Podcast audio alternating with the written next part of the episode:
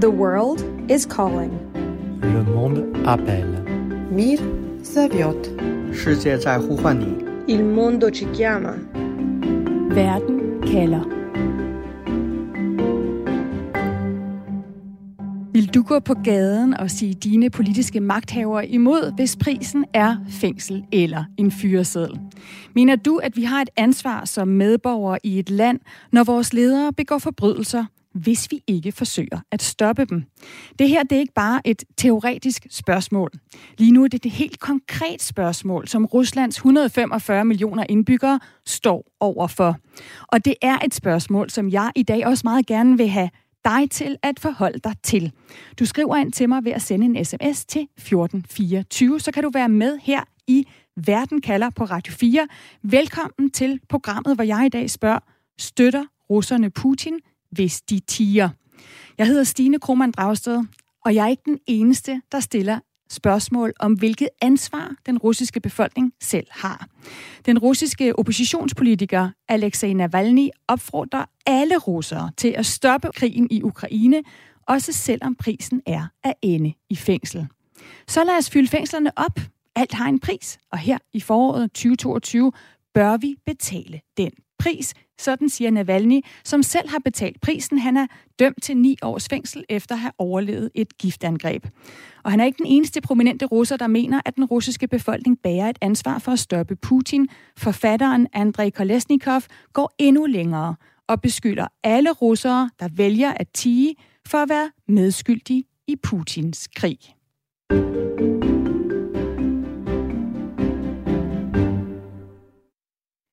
Dette program skal vi både have svar fra almindelige russere, om de har et ansvar, når Putin lige nu bomber og myrder uskyldige ukrainere, hvis de ikke siger fra. Men jeg starter med dig, Katrine Stævnhøj. Ved vi, hvor mange russere, der egentlig er imod Putins krig? Nej, det er svært at sige, hvor mange der er. Øhm, og det er vigtigt at have nogle mellemregninger med, når man kigger på modstand mod krigen i Rusland. Altså det vil sige, at dem, som er imod krigen, det er sandsynligvis et langt større antal end dem, der er synlige på gaden og synlige på for eksempel sociale medier. Og Valentina Shapovalova, når vi sidder her i Danmark, kan det være svært at tro, at millioner af russere er uvidende om, at Rusland er i gang med at invadere Ukraine, at Rusland er i krig. Er de det? Altså, hvad ved de egentlig om krigen i Ukraine? Hvis man kun følger med i de statsvenlige medier, og dem er der jo størstedelen af i Rusland i dag, så ved man faktisk ikke, hvad det er, der foregår, fordi krigen bliver stadigvæk kaldt for specialmilitær operation. Der er godt nok blevet skruet op for retorikken om, at øh, Vesten er i gang med at føre en krig mod øh, Rusland. Men hvis man følger, hvis man tænder for tv'et, hvis man åbner en avis øh, som en helt almindelig russer, så ved man ikke, at øh, Rusland rent faktisk slår uskyldige ukrainer ihjel. Og dermed der fik vi også sat stemmer på to af dagens gæster. Katrine Stævnhøj, der er forsker i russiske protestbevægelser ved Københavns Universitet, og Valentina Shapovalova, der forsker i medievidenskab på Københavns Universitet med fokus på netop russiske medier og propaganda, og har ukrainsk baggrund. Velkommen begge to til Verden kalder. Tak. Når jeg i dag stiller spørgsmålet, om den russiske befolkning har et ansvar for at stoppe Putin, så er udgangspunktet jo, at russere har reageret vidt forskelligt på Putins invasion af Ukraine. Der er russere, der råber op og kritiserer krigen, for eksempel ved at gå på gaden og demonstrere. Der er russere, som vælger at tige. Og så er der de russere, der åbenlyst støtter Putin og krigen. Og lad os starte med de russere, der støtter Putin og krigen. Lige om lidt, der skal vi høre fra en herboende russer, der er imod krigen, og som har det rigtig svært med, at hans forældre i Rusland bakker op om invasionen og Putins handlinger. Men allerførst, Valentina Shapovalova, de russere, der bakker op om Putin, hvad er det for en fortælling, de tror på? Hvordan forsvarer de krigen? Jamen, det bliver fremstillet den her specialmilitære operation som øh, på den ene side en øh, denazificering og demilitarisering af Ukraine, fordi man taler om, at øh, nazismen har fået rigtig stærkt hold i Ukraine og er blevet en, en stor trussel. Det er sådan den ene side af fortællingen. Og på den anden side, så taler man jo om, at øh, Rusland er faktisk truet.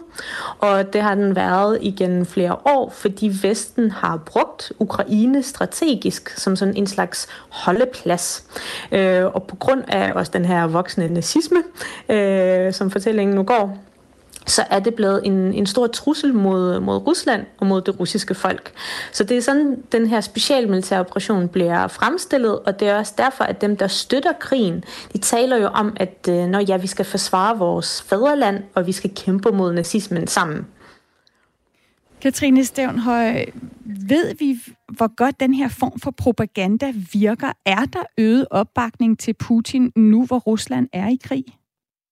Ja, altså der har været nogle undersøgelser øh, foretaget af analysecentret Levada, som man normalt kan stole på, øh, da de er uafhængige og endda en, en fremmed agent i Rusland, øh, som viser, at der er en stigning i Putins popularitet. Altså man skal tage sådan nogle undersøgelser med et vis salt, øh, fordi de er foretaget i diktatur øh, og foretaget i krigstid. Men stadigvæk, det viser altså en ret tydelig stigning i hans popularitet. Og der er jo russere, der råber op og kritiserer krigen ved at, ved at gå på gaden, ved at demonstrere, eller ved at gøre sådan her.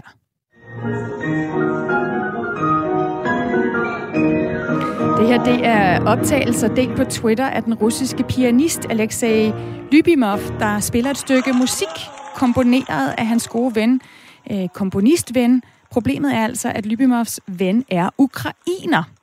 Og der var nogen, der tippede det russiske politi om, at den her øh, koncert foregik, og derfor så ankom betjente til scenen for at arrestere den 77-årige russiske pianister, som vi kan høre, så insisterer han altså på at spille færdig, inden han så bliver ført væk, mens publikum klapper. Og vi har andre eksempler. For eksempel en russisk lærerinde, der bliver anmeldt af sine elever og får en bøde og bliver fyret. Valentina Shapovalova, de russere, der vælger at anmelde dem, der stiller spørgsmål ved krigen, Altså, vi vil jo kalde dem stikkere, men hvad er det for et budskab om at forsvare Rusland, som, som de lytter til, som de handler på? Jamen, det hører jo sammen øh, nogle af Putins taler og den her fremstilling af dem, som er imod den her specialmilitær operation, øh, som, øh, som nogle landsforrædere. Altså, det er på det niveau, vi er. Og det er også derfor, det her, det fører jo tankerne tilbage til sådan Stalins tid, hvor man også spillede rigtig meget på den her retorik om øh, landsforræderi, og at man skal anmelde dem, som, øh, som går imod staten, som kritiserer staten. Øh, så hvis, øh, hvis vi tager eksempel fra en af Putins taler, så skal man jo spytte de her folk ud som fluer, der sådan tilfældigt er flået ind i ens mund. Så øhm, det er sådan den, den fremstilling, øh, man spiller på og sådan tænker over, når, når man føler et ansvar for at anmelde de her mennesker, som, øh, som trodser staten og som kritiserer det, der foregår i Ukraine. Og Katrine Stævnhøj, nu nævner Valentina blandt andet den her tale, hvor, hvor Putin er ude meget klart at dele den russiske befolkning op i dem, der er patrioter og dem, der er forrædere. Hvad gør det ved øh, sådan russers øh, mulighed for overhovedet at, at sige fra, når man så klart får at vide, hvad det er for en virkelighed, man bør tro på? Altså man kan sige sådan, at øh, over det seneste årti, og så i særdeleshed det seneste år i Rusland, så er deltagelse i det sociale liv blevet politisk. Altså det er svært at deltage i noget, at udtrykke sig på nogen måde, uden det bliver antaget for en, en politisk handling. Altså for eksempel det her med at spille et stykke musik, der er komponeret af en ukrainer, eller læse en bog, der er skrevet af en ukrainsk forfatter, eller noget andet, som vi ellers ikke vil betragte som en protesthandling, er lige pludselig blevet enormt politisk. Øhm, og det gør altså det her manøvrerum, som befolkningen ellers har haft at agere i, både politisk og i civilsamfundet, det er altså blevet så indskrænket, at det er svært at sige noget, uden at øh, det kan have en potentiel risiko for en selv og ens familie. Mm. Og Helle skriver ind til os her i Verden kalder, som svar på det spørgsmål, jeg, jeg stiller, altså om, om øh, hun selv ville tåre og stille sig op og protestere og sige magthaver imod, hvis det kunne koste for eksempel fængsel. Jeg tror desværre ikke, jeg tårer, men jeg håber, at min retfærdighedssans ville få mig op på barrikaderne, når jeg stod i situationen. Det kunne jeg faktisk godt forestille mig. Sådan skriver Helle altså ind, og Inger skriver ind på sms'en, Tak til verden for at vælge dette vigtige emne. Den russiske befolkning har også et ansvar. Det er selvfølgelig nemt for os i Vesten at mene, øh, fordi vi ikke har noget på spil. Ja, lad os prøve at høre fra en ung russisk mand, der oplever, at hans forældre mener, at han er hjernevasket af vestlig propaganda, fordi han er imod krigen i Ukraine.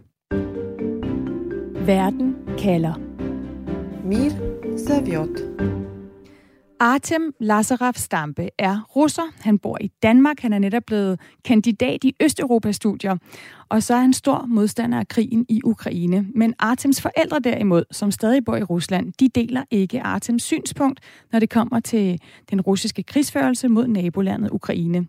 Jeg ringede til Artem for at høre, hvad det helt præcis er, hans forældre tror på, og hvordan det har påvirket både Artem og hans forhold til sine forældre. Øh, jeg starter med at spørge, hvordan Artems forældre ser på krigen. Mine forældre, de følger selvfølgelig med i, øh, hvad der bliver sagt og fortalt om i, i russiske medier. Og uh, som vi alle sammen ved, så er billedet på krigen er noget anderledes. Man, man uh, betegner jo ikke engang krigen som krig i Rusland, fordi det er jo en special militær operation, som er er der til for at afmilitarisere og afnazificere Ukraine og for netop at beskytte den russisktalende befolkning. Um, så det, der sker, det er, at de har jo nogle helt andre, de har en helt anden idé om, hvad det er, der foregår derovre. De, de tror jo, det er en fredsbevarende operation for netop at sikre ukra- øh, russisktalendes russisktalendes rettigheder i Ukraine. Så, så, så det vi ser herhjemme, ser de slet ikke i deres medier. Og hvad siger du så til dine forældre, når du taler med dem om, hvad der sker? Jamen, dengang krigen startede, så, så talte vi jo meget om, øh, hvad der ligesom foregik, og så fortalte jeg om ukrainske flygtninge, at, at, at øh, der er familier, der deres hjem bliver bombet, og de er nødt til at flygte, fordi at det er simpelthen farligt at opholde sig i Ukraine. Øh, men, men, men mine forældre, de, de, de forstod jo ikke, øh, hvad jeg ligesom beskrev, fordi de tror jo, det er løgn. Øh, så det, det, vi får at vide herhjemme, i Danmark og i Europa generelt, de tror jo, det, det vi får at vide, det er løgn. Fordi at øh, det, det, det russerne er i Ukraine for, det er jo netop at at, at, at bevare fred og, øh, og ligesom komme af med bad guys, som er i det tilfælde ukrainsk regering og Zelensky. Så, så, så, så som, sådan som de ser på krigen, det er jo, det er jo øh, et helt andet billede, de, de får der. Så, så, så vi ser på, på det fra forskellige vinkler, kan man sige. Og Artem, prøver du så at overbevise dem? Altså prøver du, læser du op af overskrifter fra udenlandske medier? eller altså, hvordan taler I sammen om det her? Jamen, jeg har jo forsøgt at, i starten der at tale om det, og forklare, hvad det er, der sker, og fortælle om alle de grusomme ting, der foregår i øh, Ukraine, men, men det er ligesom om, at mine forældre, de ikke helt vil, enten ikke vil høre på det, eller ikke rigtig forstår det, eller ikke vil vide noget om det. Øh, altså for dem handler det jo ene og alene om, at, at det er en nødvendighed, den her krig. At, at det er nødvendigt at gå ind i Ukraine for netop at beskytte russisktalende befolkning.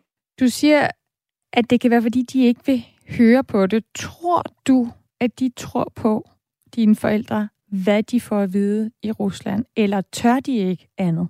Jeg tænker jo, at mine forældre, de, øh, de er i stand til selv at forme deres eget øh, verdensbillede, eller deres egen forståelse for, hvad der foregår, men, men, men, men når nu jeg ved, når nu jeg kan se, hvad der virkelig foregår i Ukraine, så, så, så er det jo lidt, så kan jeg jo se, at det mine forældre forstår, eller, eller ved om det, der foregår, det er jo virkelig begrænset. Altså det eneste, de får at vide, det er, at, at Rusland er jo ikke aggressor i den her situation, at at det er ukrainerne, der er nazister og dræber befolkningen. Er du vant til at tale med dine forældre om, om det meste og, og stole på deres vurderinger? Ja, men helt klart selvfølgelig. Altså, man, man skal jo huske på, at, at det er jo ens forældre, det er nogle af de absolut tætteste mennesker på denne jord. Øh, øh, så selvfølgelig stoler man da på dem, og, og, og man er vokset op sammen, sammen med, med mine forældre, jo, og det er det er jo helt klart, at de, de, de har jo været ens, øh, hvad skal man sige, forbillede det meste af ens liv, og når nu man er selv blevet en voksen og, og kan ligesom selv danne sit eget overblik over, hvad der foregår, så, så, så, så, så bliver det man jo lidt overrasket over, at de rent faktisk øh, øh, tror på, at krigen er en nødvendighed. Øh, hvor, hvor jeg tænker, wow, altså det kan jo ikke, altså det er mine forældre, men tænk engang, at de, Øh, jeg ved ikke, jeg ved, jeg ved ikke om de støtter det, om de, om de støtter krigen, men, men de mener, at det er en nødvendighed. Det, det, det her faktum. Det er selvfølgelig virkelig trist, øh, når, når ens forældre de, de, øh, de siger, at det er nødvendigt at gå ind i et andet øh, suverænt land, som rent faktisk selv må bestemme, hvad det er, de gerne vil, og hvilken retning de gerne vil bevæge sig i. Så det er virkelig, øh, det kommer virkelig bag på en, øh, når man virkelig tænker, okay, ens forældre, de synes, det er ok, det der foregår. Det er tydeligvis en rørt ung mand, vi hører her, Valentina Shapovalova. Artems forældre tror altså mere på Putin end på deres egen søn. Og, og det er jo rystende, men det siger vel også noget om, hvor stærkt Putins fortællinger står. Ja, og øh, de står meget, meget stærkt. Nu sagde jeg jo, at øh, hvis man tænder for, for tv'et eller åbner avisen, så er det den her fortælling, man får.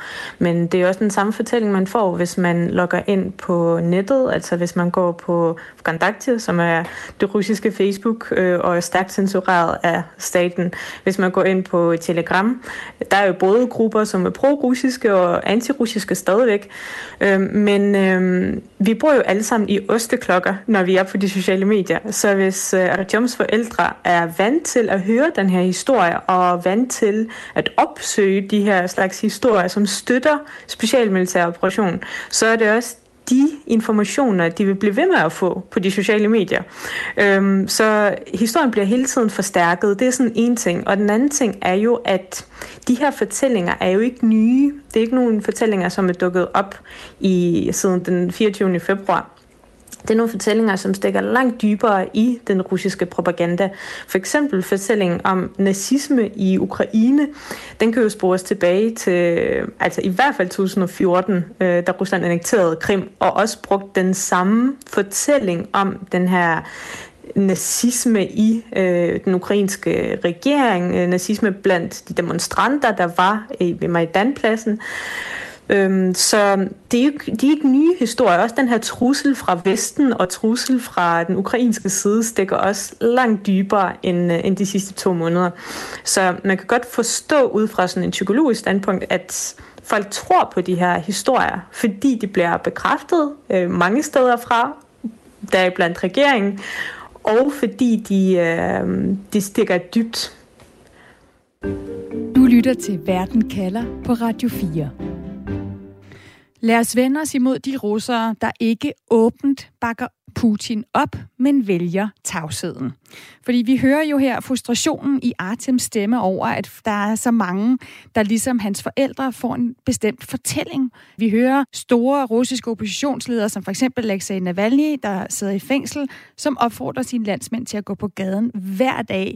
Vi hører andre øh, oppositionsjournalister, for eksempel Andrei Kolesnikov, mener, at de russere, der lige nu vælger at tige, at de er medskyldige i Putins mor.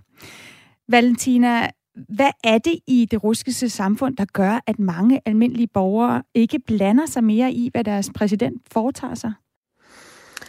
Jamen, der er jo en ret stor afstand mellem staten og den helt almindelige russer, så man føler simpelthen ikke, at man har egentlig noget at have, skulle have sagt i det, som staten foretager sig, de beslutninger, der, der bliver taget. Øh, det er sådan en ting. Men igen, øh, nu har vi jo talt øh, sådan ret meget om, om propaganda, og propagandaen spiller også en ret, meget stor rolle i det her. Også fordi det er jo en, øh, en rar fortælling at øh, ligesom varme sig på, at Rusland rent faktisk gør noget godt i Ukraine, og at det, det er ikke Rusland, der er noget galt med, eller den russiske regering, øh, men at det er verden, der er imod Rusland, øh, og især med, med Vesten og USA i front.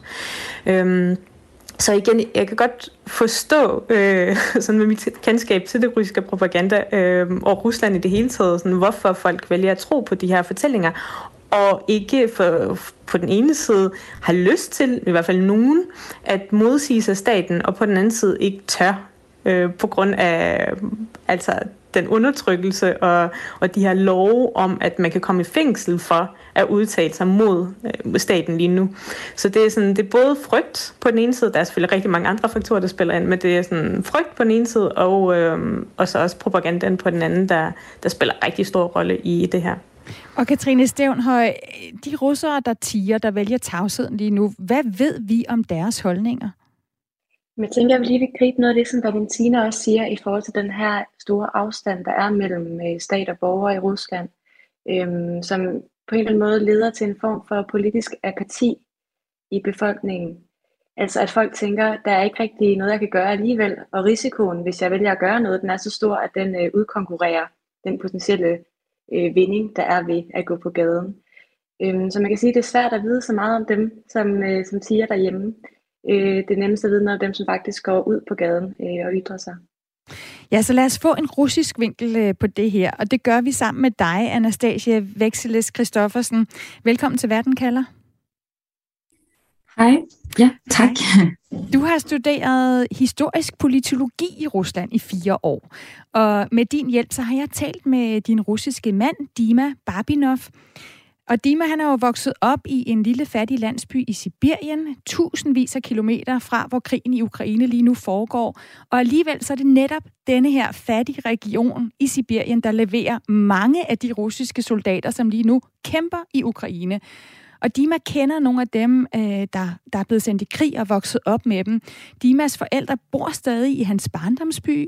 Hans forældre er imod krigen, men tør ikke sige det højt til deres naboer. Og jeg spurgte Dima, hvad det var for et dilemma, hans forældre står i.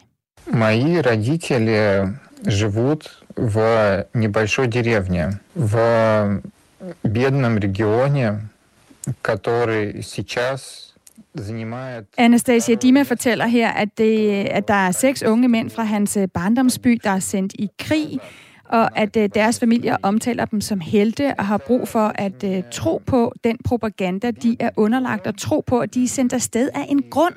Og det gør det svært for Dimas forældre at, uh, at vise deres modstand. Kan du uddybe, hvorfor, hvad det er for, for et skisma, de står i? Øh, ja, altså nu når de er omringet af folk, der er for krigen, og som prøver at finde grunden til, at den er, at den er legitim, eller der er en god grund til, at, at, vi, øh, at vi er i krig, så bliver det bare lige pludselig rigtig mærkeligt for dem at skulle udtrykke, især når deres børn er i krig, at de er imod krigen, fordi det virker på en eller anden måde ikke ikke uhøfligt, men på en eller anden måde, at man ikke ærer dem, der er i krig. Så altså sådan, det er nemt at være imod, men hvis dine børn er i krig, så, ja, så, så tør de simpelthen ikke sige noget, fordi når folk øh, får at vide, at deres børn er døde, og så står der nogen og siger, jamen det gav ikke mening, at de døde for den her krig, fordi de hmm. kæmpede ikke noget som helst. Så øh, ja, det, Anastasia, andre af dine og Dimas bekendte i Rusland er, er imod krigen, men går, har valgt ikke at gå på gaden lige nu og råbe op. Hvad er det for en afmagt, du møder, øh, og, og, og hvor kommer den fra? Jeg hører ofte, at folk ikke associerer sig selv overhovedet med noget af det, der foregår, øh, som regeringen beslutter. Netop fordi de mener, at de ikke selv har valgt regeringen, og så derfor er det ikke deres ansvar på nogen som helst måde. Og øh, der er mange, der nævner, at sådan, historisk set har de aldrig haft indflydelse, så hvorfor skulle de have indflydelse nu?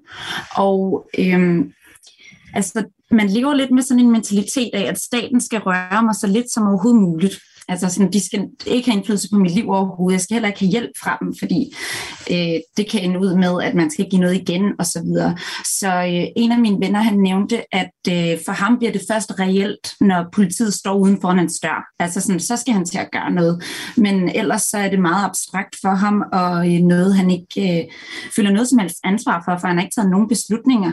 Og de fleste siger også, at øh, det er ligesom, at dem, der har magt, The world is calling. Le monde appelle. Мир зовет. 世界在呼唤你。 Il mondo ci chiama. Verden kalder. Støtter du Putin, hvis du tiger? Det spørgsmål stiller jeg her i Verden kalder på Radio 4, og det er et spørgsmål, som en række prominente russere selv rejser. For eksempel den anerkendte forfatter og journalist Andrei Kolesnikov. Han mener, at russere, der ikke siger fra netop nu, hvor Putin bomber og myrder løs på uskyldige civile mennesker i Ukraine, de simpelthen er medskyldige i krigens ugerninger. At man er for Putin, ikke kun hvis man støtter Putins handlinger, men simpelthen også hvis man tiger stille. Men at protestere, det har sin pris i Putins Rusland, og den pris den er steget voldsomt efter Ruslands invasion af Ukraine. Og Katrine Stævnhøj, kan du ikke beskrive den pris? Altså, hvad risikerer russere, der siger Putin og krigen imod? Jo, altså først og fremmest så risikerer man at blive anholdt og få en bøde, og sådan har det egentlig været i lang tid i Rusland. Øh, den pris er så steget øh, siden øh, krigens begyndelse i februar. Nu kan man altså få op til 15 års fængsel for at øh, sprede øh, såkaldte fake news om den såkaldte militære operation. Øhm, ja, så det, det er altså prisen er blevet meget højere. Øhm, Udover det, så er der også blevet ført en, en form for øh, hadsretorik af, af staten, som opfordrer til en form for selvtægt. Altså vi har i stigende grad set, at systemkritikere kritikere bliver forfulgt deres døre bliver overmalet, de modtager trusler fra privatpersoner. Så der er blevet skabt den her enorme stillelse mellem det, som man fra statens side kalder patrioter og landsforrædere. Og Valentina Shapovalova, nu nævner øh, Katrine nogle eksempler her. Altså, hvad er det for ellers, vi har set? Hvad, hvad russere, der siger Putin imod, hvad de risikerer? Jamen, det er jo primært den her forfølgelse og også øh, demonisering af, af de her mennesker. Vi har også set eksempler på russere, som har fået tegnet sæt tegnet, som er blevet et symbol på øh, støtten til, til den her krig. Der er jo nogen i Vesten, som har sammenlignet det med den nazistiske svastika, og øh, øh, så nogle russere har fået det tegnet på deres døre, øh, hvor man også har skrevet øh, forræder på. Øh, så det er en, øh, en forfølgelse af de her mennesker, både i, øh, i virkeligheden, men også på de sociale medier, øh, hvor folk bliver trollet, altså dem, som, øh, som er imod den her specialmilitære operation. Så man kan risikere både en, øh, en forfølgelse, men også, øh, også bøder, også øh, fængselsstraf. Øh, ja. Og, ja, og Anastasia Vexelis Christoffersen, vi har også stadigvæk dig med, og du har jo studeret i Rusland i fire år. Du er russisk gift, og du har venner og, og familie, øh, der lige nu må gøre op med dem selv, om, om de vil betale den pris. Anastasia, hvad fortæller de dig om de overvejelser, de har? De fleste siger, at det ikke rigtig giver mening. Øhm, de ser ikke rigtig nogen forbindelse med, at de ville skulle gå ud og demonstrere eller udtrykke sig, og det kunne have nogen som helst form for indflydelse Netop fordi de ikke forbinder sig selv med regeringen, eller med, altså, at de overhovedet kan gøre noget som helst. Og de fleste taler meget om, at de slet ikke kan forstå, hvem der er for og imod, og der er mega meget forvirring omkring, øh, om den person, man snakker med, er for eller imod, og man skal afkode det igennem øh, samtaler. Og øh, der, der har en veninde, som læste, eller som snakkede med en masse forskellige taxichauffører, bare for at få et overblik over, Øh, hvad folk tænkte, fordi hun havde svært ved at navigere rundt i sit eget øh, miljø. Så prøvede hun at høre dem, om de havde snakket med folk. Og hun fik egentlig en, et indtryk af, at de fleste var imod. Og så har jeg en anden veninde, der bor i den samme by, som egentlig mener, at de fleste er for. Så folk er meget forvirret omkring, hvem er for, hvem er imod, og hvad skal vi mene, og så videre, og så videre. Så, øhm, så det kan så simpelthen ja. være svært øh, overhovedet at finde ud af, hvad ens venner, hvad ens familie tror på, og dermed ja. også selv øh, stå frem. Lad os øh, vende os mod den her gruppe af russere, der øh, er imod krigen, hvor nogle af dem fortsætter med at protestere, selvom Putin, som vi også har hørt, tror med, at dem, der ikke støtter ham og krigen i Ukraine, at de er forrædere, der skal spyttes ud som fluer. At denne her gruppe mennesker, er de mere modige end andre? Tror de, at deres protester gør en forskel, eller vejer de deres egen overbevisning om, hvad der er rigtigt og hvad der er forkert? Altså vejer de den tungere end de omkostninger, der er ved at gå imod Putins krig? Verden kalder. Mir Saviot. Katrine Stævnhøj, du forsker i protestbevægelser. Der er jo igennem historien mange eksempler på folk, der gør modstand, selvom de ved, at deres handlinger øh, i sig selv ikke er nok til at gøre en forskel her og nu. Altså for eksempel til at afsætte en leder eller stoppe en krig. Så hvad kendetegner dem, der siger fra alligevel, altså selvom de er mindretal, selvom de betaler en, en høj pris? Hvad er det for en afvejning, de laver?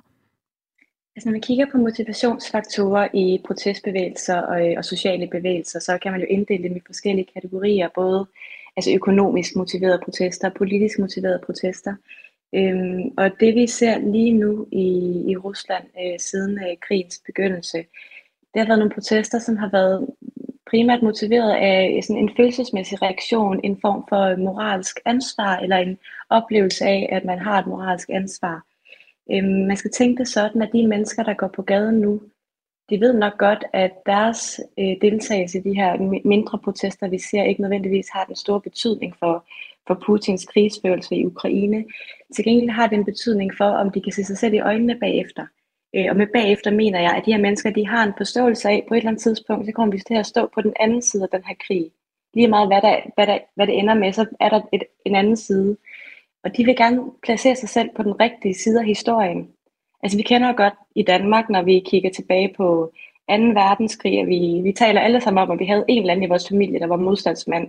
For det kunne vi godt tænke os. Vi kunne godt tænke os, at vi havde stillet os på den rigtige side af historien dengang. Og det er altså det, som de russer, der går, går på gaden, de på en eller anden måde udøver i realtid nu. Så tidsperspektiv kan være afgørende, altså den her beslutning om, at vi vil være på den rigtige side af historien på lang sigt, øh, og selvom det koster her og nu. Mm. Der er en sms øh, fra vores lytter Regina, der skriver ind, min mor voksede op i Tyskland med Hitlers krig, og uden at sammenligne alt for meget, så havde hun og familien krigen, men hun var tvunget og troet til at holde af den, så vi kan lære af 2. verdenskrig, det er altså budskabet fra Regina, der har skrevet ind på 1424. Og det er du også meget velkommen til at gøre, hvis du har nogle tanker om det her spørgsmål, eller som Regina simpelthen har nogle, en familie, der har nogle erfaringer med at skulle forholde sig til det her ret svære spørgsmål om, hvilke ansvar vi som individer bærer, når øh, vores politiske ledere går i krig eller begår forbrydelser. Lad os lige igen høre fra russiske Dima Babinov. Han har nemlig selv øh, været politisk aktiv i den russiske demokratibevægelse i flere år, mens han studerede, og han arbejdede som journalist. Han har arbejdet på valgsteder, han har skrevet om opposition som journalist, han har demonstreret. Og han kom til Danmark kort før krigen brød ud. Jeg spurgte Dima, hvorfor han valgte at råbe op, og selvom han vidste, at der var en høj pris at betale. Han har blandt andet siddet i russisk fængsel. В то время э, было еще не так опасно. Я всегда соизмерял риски э, Dima fortæller her, at øh, da han demonstrerede, så var det ikke helt så farligt, som det er i dag. Han var meget bevidst om, hvad der kunne ske med ham. Han holdt øje med, hvor politiet var. Han vidste, hvad risikoen var. Men han følte, at han havde et ansvar. Han følte, at der skulle være nogen, der satte nogle grænser over for den russiske regering. Og Anastasia Vekselis Christoffersen, du boede jo også i Rusland. Du blev kæreste med Dima, mens han kæmpede for de her demokratiske rettigheder. I december kom Dima så til Danmark for at fejre jeres bryllup. Så kom krigen, og nu kan han ikke tage tilbage til, til Rusland. Hvordan påvirker det Dima, at han har forladt Rusland på et tidspunkt, hvor, hvor Putin jo ikke bare står ned på den her demokratibevægelse, han har været en del af, men strammer grebet om alle russers frihed til at tænke selvstændigt? Altså, Dima er meget nervøs for sin familie og dem, der er blevet tilbage. Øhm, og jeg er på den ene side ret glad for, at han ikke er i Rusland, fordi han er, han er sådan en type, der ikke vil kunne sidde stille og bare sidde derhjemme. Han er altid med til de demonstrationer, der er udenfor, og han, øh, også selvom at, der, at det er risikofyldt. Og dengang, hvor han røg i fængsel, der, øh, det var faktisk også en dag, hvor jeg havde bedt ham om at lade være med at deltage. Men han sagde til mig, at det kunne ikke lade være med. Og så endte han så op i fængslet, og, og så videre. Så lige nu er jeg glad for, at han ikke er i Rusland, fordi han ville simpelthen ikke kunne holde sig fra det. Men, øh, men med hans familie, der er det selvfølgelig... Øh, der er meget nervøs for dem, og øh, vil egentlig også gerne være derovre, men vi snakker ofte om, at hvad vil man kunne gøre? Hvordan vil man kunne øh, gøre en forskel? Altså, ja. Har han haft næsten... svært ved at, at, at skulle forlade øh, Rusland netop nu, hvor det på en eller anden måde er så historisk afgørende, at der også er nogen, der siger fra? Ja, han føler egentlig også, at han har givet at han ligesom har valgt lidt den lette vej, at han har forladt landet og ikke været der og kæmpet, men, men altså, det virker fuldstændig meningsløst også i forhold til alle dem, jeg har snakket med. som om, at man, der er ikke rigtig noget, man kan gøre. Altså, det er lidt for sent. Det er i hvert fald det, folk snakker om, at man kunne have gjort noget før. Men nu øh, har staten ligesom fået så lang snor, at nu er det for sent at gøre noget. Så ja, det er lidt det, som jeg hører af tankegangen derovre i hvert fald. Ja. Og Ruslands præsident Putin har jo advaret om, at hvis du er russer, og du er imod krigen, så er du forræder. Øhm, at øh, han, han har simpelthen været ude og fortælle, både til det russiske folk, til hans regering, at alle folk, og især det russiske folk, kan altid adskille ægte landsmænd fra afskum og forrædere. Det her det er altså Putins ord. De vil spytte dem ud som et lille insekt, der tilfældigvis flyver ind i deres mund. Jeg er overbevist om, at en sådan en, en naturlig udrensning vil styrke vores land, sådan sagde Putin altså i en tale til hans regering den 16. marts. Valentina Shapovalova, hvordan skal russer forstå den her trussel fra Putin om, om udrensning af dem, der ikke bakker op om krigen? Jamen, det skal jo forstås i, i lyset af, at Rusland skal jo stå sammen nu. Det er jo den fortælling, de, de også får, at øh, alle dem, der, der prøver at true den her stabilitet, der øh, trods alt er nogenlunde stadigvæk i landet, der blev opbygget igen rigtig mange år. Øh, igen Putin, det var jo sådan, han overtog et land i, i kaos på mange forskellige måder, da han kom øh, ind som præsident i året 2000. Og han formåede at skabe en øh, stabilitet og øh, lige nu, de folk, som går ud og protesterer, som går ud og kritiserer staten, de, øh, de truer jo den her, den her skrøbelige stabilitet. Og så samtidig så er de jo antipatriotiske, og patriotisme fylder rigtig, rigtig meget i Rusland. Og øh, det er også blevet en, øh, ja, altså det, det skal man helst ikke. Øh, det er blevet en forbrydelse at, at true den her patriotisme. Ja, Anastasia, du har jo talt med og taler løbende med øh, de venner, du har i, i Rusland. Oplever du en øget frygt hos dem, du taler med nu, i forhold til, hvordan de skal forholde sig, og, og hvordan oplever du den? Ja, altså jeg synes nærmest, jeg kan høre det i stemmen, når jeg snakker i telefon med mine venner. Øhm, og også øh, inden jeg skulle være med i programmet, så skulle alle lige være sikre på, at der var ingen, der ville blive nævnt og så videre, fordi det, øh, fordi folk er simpelthen rigtig bange og øh, ja, de her sætter er jo over det hele. Især hvis du bor i Moskva, så er de over det hele. Øhm, så folk lever lidt i sådan en, øh, en mærkelig realitet, hvor de går rundt og ser det over det hele og skal forholde sig til det og øh, føler sig ret ensomme i at være alene omkring det. Så derfor finder de stor støtte i at snakke med deres venner omkring det, så de ikke er helt alene, for det føles for nogen, som om at de er nogle af de eneste, der er imod. Så hvad vi er tilbage til sådan et Rusland, hvor man kan sige én ting ved middagsbordet, mm, og så noget helt andet, når man ja. går ud i verden. Helt klart, ja. Folk siger, det snakker vi om derhjemme. Og man skal passe på, hvem man snakker med det om også. Øh, jeg har flere venner, der er uddannet lærere og som arbejder på skoler, og der siger, at der er flere forældre, der har spurgt ind til, hvad deres holdning er, hvor de virkelig har skulle navigere rundt om det spørgsmål, fordi det kunne være ødelæggende for deres karriere, og det er også bare ret skræmmende i forhold til, at man svarer forkert. For der er jo nogle forældre, der er imod, som omvendt godt kunne tænke sig at have en lærer, der ligesom støtter deres synspunkt. Og så er der dem, der er for, som så vil måske melde læreren eller noget i den stil. Og jeg har også oplevet, at øh, børn bliver meget forvirret. Og sådan, lærerne har ligesom et større ansvar for at sætte nogle grænser, og hvordan man sådan skal videregive oplysninger omkring krigen til, til dem, fordi de også har fået at vide, at de skal undervise i nogle bestemte ting, så nogle ting som fake news og øh, den krig, der har varet i Ukraine i otte år og, og så videre. Hvor nogle af mine venner, der er mod krigen, de har så vinklet den. De har fået at vide, at de skal undervise i fake news, og så har de simpelthen øh, undervist, undervist i kritisk tænkning. Altså, hvad er fakta, og hvad er en mening?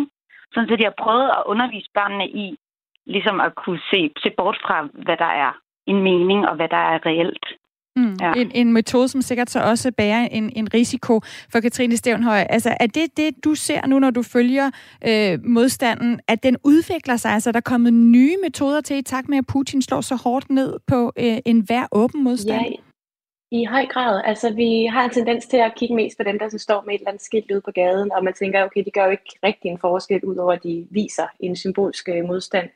Øhm, jeg har set, hvordan øh, protesterne i højere grad tager form i en, en, en form for modstand mod propagandaen. Altså man, man forsøger igennem sådan, hvad skal man sige, digital aktivisme og andre metoder at, at penetrere den her propagandamur. Øhm, og i nogle af de grupper, jeg observerer, så er der nogle diskussioner om, at man forsøger at være pragmatisk, fordi man ved godt, at splittelsen er så stor, ligesom vi hørte en af de tidligere deltagere fortælle om, at der er den her med familier, der er splittet, og man tror ikke på hinanden. Øhm, at man forsøger at, øh, at skabe en, en informationsbro mellem propagandaen og mellem øh, at sige, det, det her i virkeligheden sker. Øhm, og det er for eksempel ved at sprede information om, hvor mange russiske soldater, der bliver slået ihjel. Øhm, og det kan jo på en eller anden måde i vores ører måske virke, hvad skal man sige, usympatisk, at man ikke fokuserer på alle de ukrainer, der bliver slået ihjel. Men man skal forstå det øhm, som en måde for protestbevægelsen at, øhm, ja, at forsøge at trænge ind i hovederne på dem, som øh, kun følger med i propagandaen.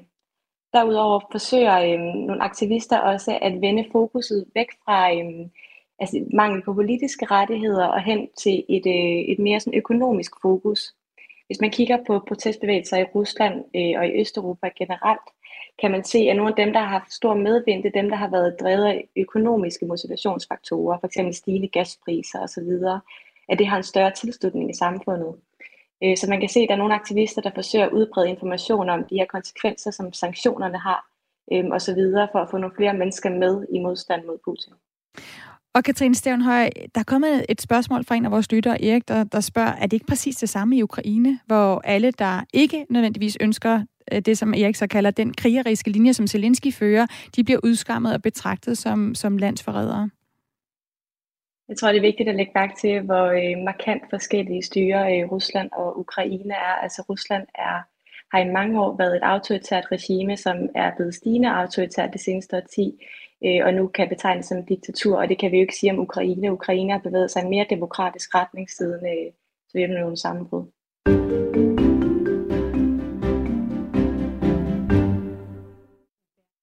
Vi er kommet til den sidste del af udsendelsen, hvor vi skal samle alle trådene. Hvilket ansvar har almindelige russere for at stå op imod krigen og Putin?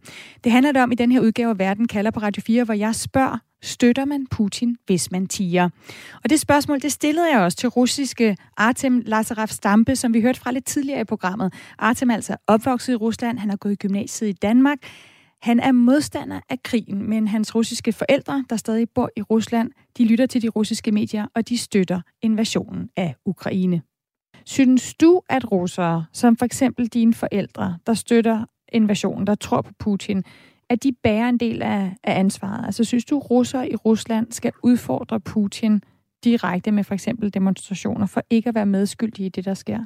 Jeg er af den overbevisning om, at det er igen det er russerne, der har valgt, øh, hvad kan man sige, Putin øh, i, til valget, øh, præsidentvalget. Samtidig kan jeg jo sige, at, at valget i Rusland er jo grotesk, og, og man ved på forhånd, at det er Putin, der bliver præsident, uanset hvordan folk stemmer. Men øh, så når det er sagt, så kan man jo sige, at, at ja, russisk befolkning bærer ansvaret for, at, at Putin gør det, han gør de skriger ikke højt nok, de demonstrerer ikke nok.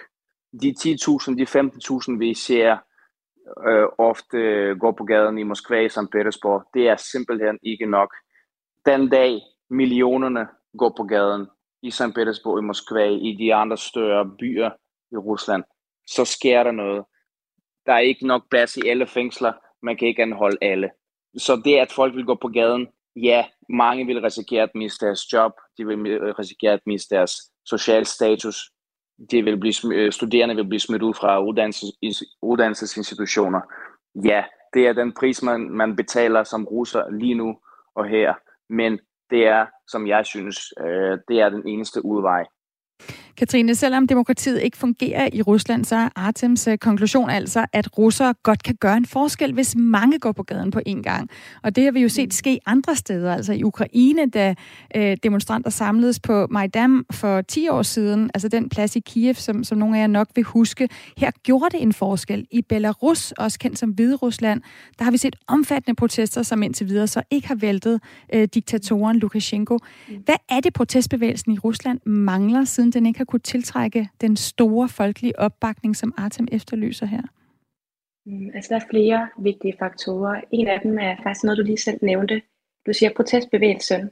Det er desværre en fejlslutning. Der er ikke en, øh, en samlet opposition i Rusland, som øh, kan være et alternativ til, til Putin og det regime, som er der nu. Det er meget fragmenteret, hvis man ser på den form for protest, der er nu. Altså enten befinder aktivister og øh, oppositionspolitikere sig i eksil, eller sidder de i fængsel. Øh, og der er selvfølgelig nogle få andre, der ikke gør endnu. Øh, det vil sige, så der mangler en, øh, en, samlet, en samlet opposition. Øh, derudover så mangler der også i Ruslands tilfælde en, en fælles historisk hukommelse om at have haft et demokratisk øh, styre. Altså man har ikke rigtig noget at vende tilbage til som en altså, demokratisk national identitet. Øhm, så man kan sige, problemet er større end Putin. Problemet er hele øhm, ja, administrationen, hele, hele samfundet, der mangler den her demokratiske ryggrad. Øhm, og nu er civilsamfundet så også blevet revet op med rod i løbet af det seneste årti. Øhm, så hvis, man, hvis det lykkes at fjerne øh, de, de, de siddende magthavere, så vil man stå øh, ja, uden den her demokratiske ryggrad, der skulle løfte et, øh, et nyt demokratisk Rusland. Okay, lad os også lige få en konklusion fra russiske Dima Babinov, som jeg også har spurgt, øh, hvad han vil svare på, om russer bærer et ansvar ved ikke at sige fra over for Putin. Я думаю, что есть вина у людей, которые молчат, потому что Dima synes, at der er en skyld, fordi dem, der tiger med deres øh, eksempel for andre til at tige, og så breder det, han kalder tavshedens spiral sig. Altså de fleste tror måske, at flertallet af russere er for krigen, selvom det måske ikke er sandheden. Han forstår godt, at ukrainer ikke øh, forstår, at russere ikke bare fylder gaderne op. Altså han siger, at krigen er ret abstrakt for mange russere, som ser det på fjernsynet, og der er den her kæmpe afstand til magthaverne. Anastasia Vexelis Christoffersen, du er jo gift med Dima. Du har boet i Rusland i fire år. Du har oplevet den her adskillelse mellem folket og styret. Øhm, og du har fortalt mig, at, at russere ikke føler, at de har... Altså, det valg, deres ledere tager, det er et valg, som det russiske folk ikke nødvendigvis selv har taget. Hvad mener du med det? Der er jo mange, der, der mener, at de ikke har stemt på Putin. Og der er mange, der er meget utilfredse med ham. Så derfor mener de ikke, at det, er dem, at det er dem, der har ansvaret. Det er ikke dem, der har valgt ham. Det er jo meget anderledes end i Vesten, hvor vi føler, at øh, den regering, vi har, er en, vi har valgt, og hvor vi kan sige fra osv. Det kan man bare ikke her. Folk føler simpelthen, det, det er nærmest sådan, det er virkelig adskilt. Altså, det er slet ikke til at videregive på en eller anden måde.